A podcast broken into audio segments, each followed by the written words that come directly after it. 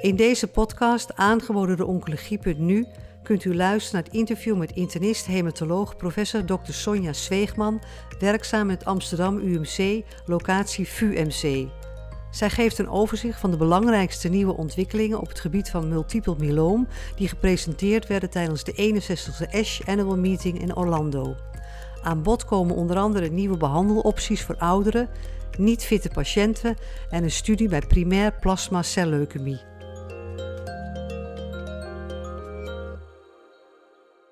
Welkom Sonja Zweegman. Uh, jij gaat ons vertellen over de highlights die er waren op het gebied van multiple myeloom hier op de ASH. Om te beginnen kan je wat vertellen over de ouderen met multiple myeloom. Jazeker. Er was een update die gepresenteerd werd door uh, Mariwie Matthäus van de Elsion-studie. Dat was de studie waarbij bortezomib, melphalan, prednison werd vergeleken met daratumumab, bortezomib, melphalan en prednison. En uh, er werden nu overal survival data gepresenteerd met een langere follow-up. En die lieten zien dat er een duidelijk overlevingsvoordeel was voor daratumumab in combinatie met VMP. En op drie jaar uh, was er meer dan 10% verschil in de overleving. Dus dat is goed nieuws. Eh, er was een kleine maar daarbij. Je zou verwachten dat er dan in tweede lijn bij die patiënten die VNP hadden gekregen, daratumumab voorgeschreven zou kunnen worden. Dat was niet zo op dat moment. Dus slechts 8% van de mensen kregen in tweede of latere lijn daratumumab. Uh, en dat kan mede een oorzaak zijn waarom het overal survival voordeel er is bij DARA VNP. Eh, verder is uh, van belang te melden dat ook nu de PFS-data, de eerste PFS-data, bekend zijn geworden. Die waren elke keer not reached. Maar nu blijkt dat de PFS 36,4 maanden is. Nou, dat is natuurlijk prachtig. Uh, ik ben begonnen in een tijd waarbij de overleving 36 maanden is. We zitten nu in een tijd waarbij de progressievrije overleving 36 maanden is. Dus zeker reden om datgene wat we in de richtlijn hebben geschreven, DARA VNP, als uh, eerste keuze dat zo uh, te behouden. Um, dat werpt natuurlijk wel de vraag op hoe gaat dat nou straks worden als daratumumab met lenalidomide, dexamethason, um, uh, hopelijk geregistreerd en vergoed gaat worden. Was een poster over de Maya-studie. Er werd dus vergeleken met lenalidomide, dexamethason. Um, nog geen overall survival data, daar is de follow-up nog te kort uh, voor. Maar de verwachting is dat de progressievrije overleving van de Maya-studie meer dan 50 maanden gaat zijn. En dat is natuurlijk langer dan de 36 maanden die ik net noemde. Um, en Um, het zou denk ik zo kunnen zijn dat op het moment dat uh, daratumumab in combinatie met lenalidomide dexamethason geregistreerd en vergoed gaat worden, dat dat de eerste keus gaat worden in het kader van de eerste klap is een daalder waard. Daarbij is ook nog van belang dat nu uh, de effecten bij hoge risicopatiënten, dus op basis van cytogenetica, translocatie 414, 1416 en de leedzin 17p, toch ook baat hadden bij DARA-RD. Dus er was toegevoegde waarde van DARA-tumumab ook in deze populatie patiënten. En dat was tot voor kort nog niet. Dus ook die patiënten zouden dan daarmee behandeld kunnen worden. Maar tot nu toe dan nog steeds daratumumab in combinatie met bortezomib, melphalan en prednison. En dan was er ook nieuws voor uh, jongere patiënten met multiple myeloom, die wel in aanmerking komen voor stamceltransplantatie. Ja, jazeker.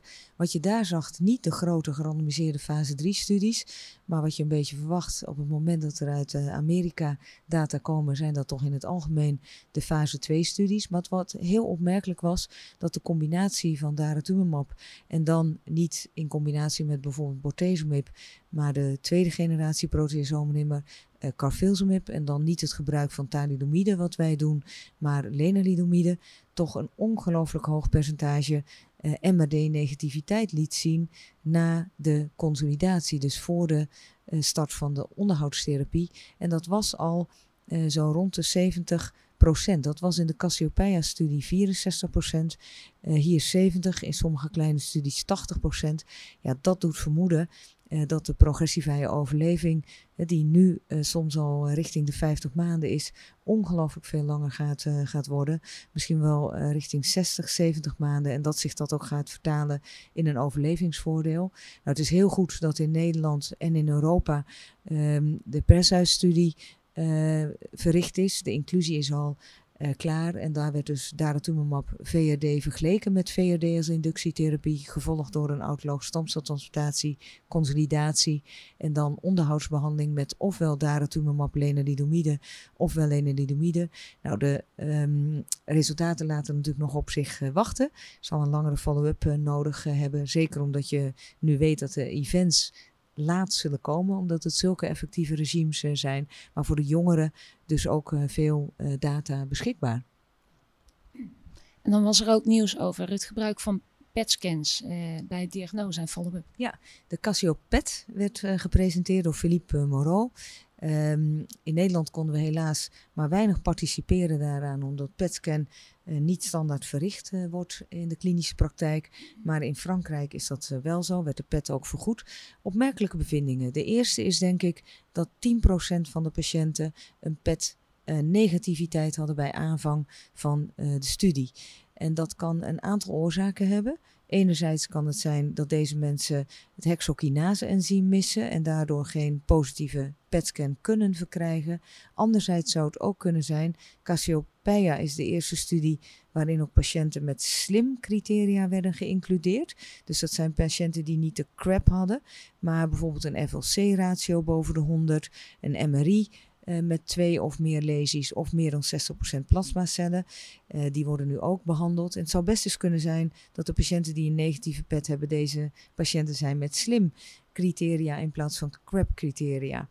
Um, wat opvallend was, of misschien niet eens zo opvallend, maar dat de prognose van deze PET-negatieve patiënten veel beter was dan de patiënten die PET-positief uh, waren. En als het nou zo is dat het de SLIM-criteria-patiënten zijn, um, dan is het ook goed dat we die patiënten eerder gaan uh, behandelen, want die prognose is dan ook navenant beter. Dus dat zou uh, mooi zijn. Dan hebben ze ook nog gekeken naar de reversibiliteit van die PET-positiviteit tijdens de behandeling met ofwel VTD ofwel daratumumab VTD en een autologe stamceltransplantatie. En dan blijkt die 90% van de patiënten die positief was, die hebben ze in die analyse meegenomen. Uh, die blijkt dan in 80% van de gevallen negatief te worden. Dus er zijn nog maar 20% van de patiënten die dan een positieve PET-scan hebben. En wat je ziet, en dat was natuurlijk wel de verwachting, dat die mensen een slechtere prognose hebben.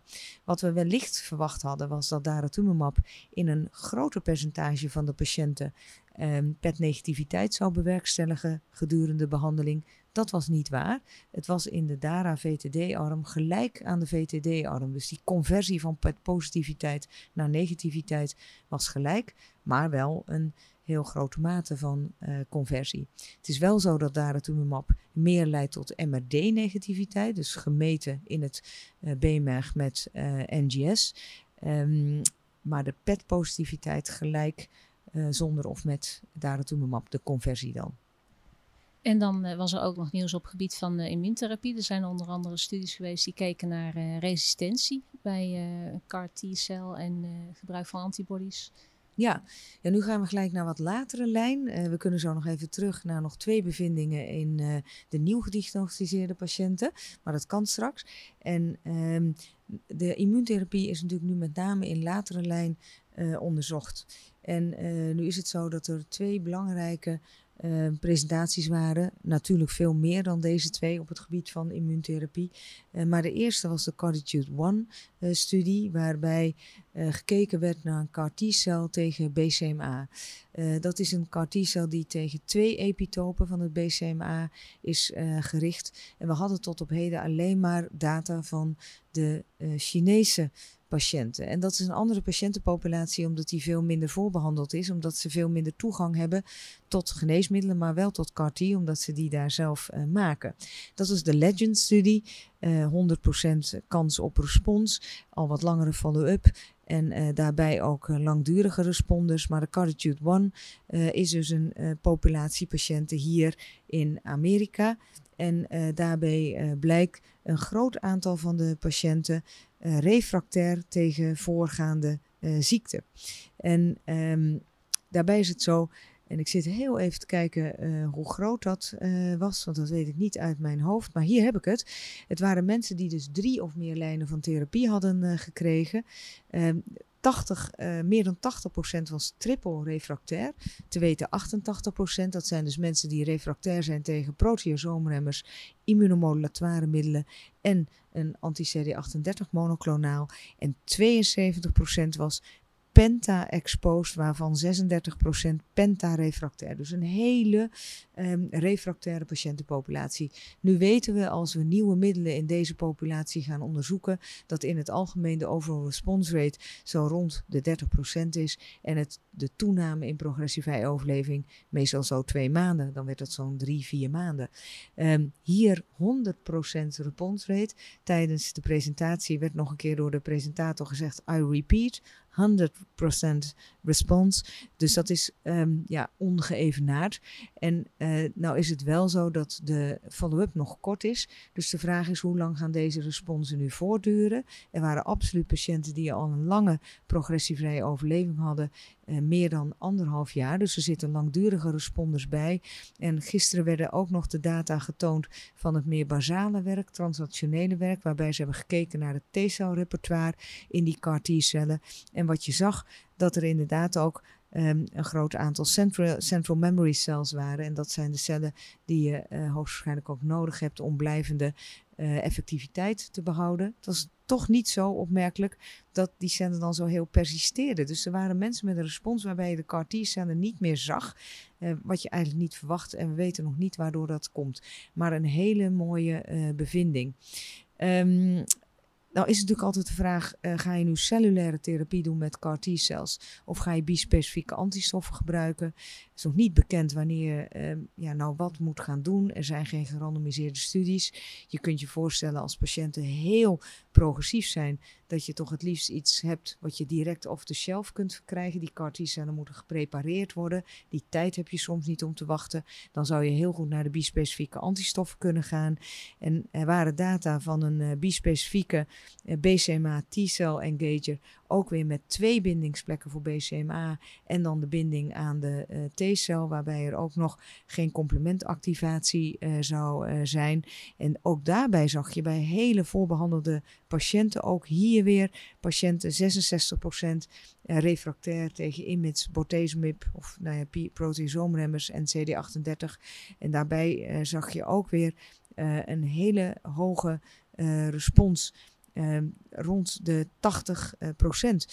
dus ook daar veelbelovende uh, ontwikkelingen. Hoe we dat gaan inzetten, nog niet bekend. Maar iedereen is nu al aan het spreken om deze therapie in tweede, derde en soms zelfs in eerste lijn te gaan doen. Ja, nog even terug naar Niels van der Donk, die in de situatie van de nieuw gediagnosticeerde plasmacelleukemie iets belangrijks uh, liet zien. Wij weten dat plasmacelleukemie-patiënten primair een hele slechte prognose hebben, met vaak al overlijden in de eerste maanden. Met de nieuwe middelen is dat iets verbeterd, maar nog steeds een zoals men wel zegt, een unmet need voor uh, nieuwere therapie. Uh, Niels heeft een internationale studie binnen European Myeloma Network verband gemaakt, ook een hoofdfondstudie natuurlijk, die Um, behoud, die het gebruik heeft van carfilzomib, lenalidomide en dexamethason. Bij de jongeren gebruikmakend nog van een autologische transplantatie, tweemaal ofwel een auto-allo. En bij de ouderen doorgaan met KRD. En wat hij hier liet zien waren de data uh, van de eerste 15 patiënten die vier inductiecycli hebben gekregen, korte follow-up, maar een hele hoopgevende responsrate van 93%, waaronder ook een groot aantal um, complete remissies en heel weinig toxiciteit. Weinig hematologische toxiciteit en geen sterfte in de eerste vier maanden. Dus dat is heel erg uh, mooi. Een andere populatie patiënten die um, ja, eigenlijk niet participeert in studies, maar waarvan er wel heel veel zijn. Dat zijn namelijk oudere patiënten met multiple myeloom die niet fit en kwetsbaar zijn. En we hebben binnen Hoofdverband nu eigenlijk de eerste studie in de wereld ontwikkeld met ook al data die specifiek uh, zijn ontwikkeld voor unfitte en frail patiënten. Uh, gebruikmakend van ixazomib, daratumumab en een lage dosering uh, dexamethason. En uh, die data uh, hebben we kunnen presenteren, waarbij aangetoond is uh, dat het heel feasible is met weinig toxiciteit. Bij de unfitte patiënten maar 2% early mortality binnen drie maanden. Nou, dat is meestal zo rond de 10%. Bij de frail patiënten is dat 12%. Daar zijn geen duidelijke data over in de wereld. Maar in de patiënten boven de 80 is de mediane progressievrije overleving vaak maar zes maanden. En wij hadden nu een mediane progressievrije overleving bij de frail van 12 maanden en bij de unfitte van 23 maanden. Dus dit lijkt een regime wat heel goed uh, een bazaal regime kan zijn voor unfitte en frail patiënten. En hopelijk kunnen we daar qua effectiviteit nog iets aan toevoegen. Je zou kunnen denken aan de celmodulatoire middelen die de effectiviteit mogelijk nog wat uh, verbeteren, waardoor die progressievrije overleving mogelijk nog hoger wordt. En in al deze studies is van belang dat infecties vaak optreden, in welke setting je ook kijkt. En ik denk uh, dat we veel vaker de eerste drie maanden niet alleen cotrimoxazol zouden moeten geven, maar ook levofloxacin om bacteriële infecties uh, tegen te gaan. En dan was er uh, nog een, uh, de Candor-studie die vanochtend ja. gepresenteerd is. Ja, net de late breaking. Komen we net vandaan. Uh, prachtig ook. patiënten na één tot drie lijnen van therapie um, werden gerandomiseerd tussen carfilzomib dexamethason en daratumumab carfilzomib dexamethason. En uh, carfilzomib dexamethason gebruiken wij natuurlijk ook al. Mediane progressievrije overleving van rond de 16 maanden was ook zo in deze studie. Uh, maar door de toevoeging van uh, daratumumab werd de progressievrije overleving uh, veel beter met een hazard ratio van 0,65 en de mediane progressievrije overleving nog niet bereikt. In deze studie zaten patiënten die bijna allemaal volbehandeld waren met een proteasoom-inhibitor bortezomib. Uh, dus dat is mooi, dan weten we dat we dat in deze setting kunnen gebruiken. En er waren 30% van de mensen die al met lenalidomide behandeld waren plus refractair daarvoor uh, waren. En dat is de patiëntenpopulatie die we bij de jongeren nu veel zien, omdat die mensen eigenlijk allemaal lenalidomide onderhoudsbehandeling krijgen. Die krijgen dus een recidief onder lenalidomide en zijn refractair. Daarbij komen ze eigenlijk niet meer in aanmerking voor de regimes met lenalidomide als backbone. En hadden we eigenlijk alleen maar ter beschikking bortezomib dexamethason, carfilzomib dexamethason en daratumumab met bortezomib en dexamethason. Dat laatste had uh, de voorkeur samen met carfilzomib dexamethason met een mediane progressievrije overleving van rond de 16 maanden. Maar nu hebben we dus een regime wat een betere progressievrije overleving gaat hebben. Um, en wat dus bij registratie en vergoeding in zeker een subpopulatie van patiënten de voorkeur uh, gaat krijgen. Ook nog van belang, bij carfilzomib zie je nogal eens wat cardiale toxiciteit. Uh, dat was in de daratumumab-arm zelfs minder. We weten niet zo goed waardoor dat komt. Ook hier trouwens wel weer meer uh, fat, uh, fatale bijwerkingen in de daratumumab, carfilzomib, dexamethason versus de andere arm. Mogelijk toch ook te maken hebben met infecties. Dus ook hier weer een pleidooi voor goede infectiepreventie en vaccinatie. En er komt binnenkort in Nederland een nieuwe richtlijn daarvoor uit. Dus een uh, mooi uh, regime. Minder geschikt voor de ouderen. Uh, omdat die uh, vaak al daratumumab in de eerste lijn gekregen zullen hebben in onderhoud. DARA VNP of DARA RD. En in deze studie waren geen mensen geïncludeerd die al daratumumab hadden gekregen. Dus voor de ouderen is dit niet een regime. En gezien de cardiane toxiciteit is het ook minder geschikt voor de ouderen. Nou, heel veel nieuws. Uh, is er nog ander nieuws dat je meeneemt van de ASH? Nee, ik denk, uh, ik denk dat we de grootste highlights uh, de, wel besproken hebben.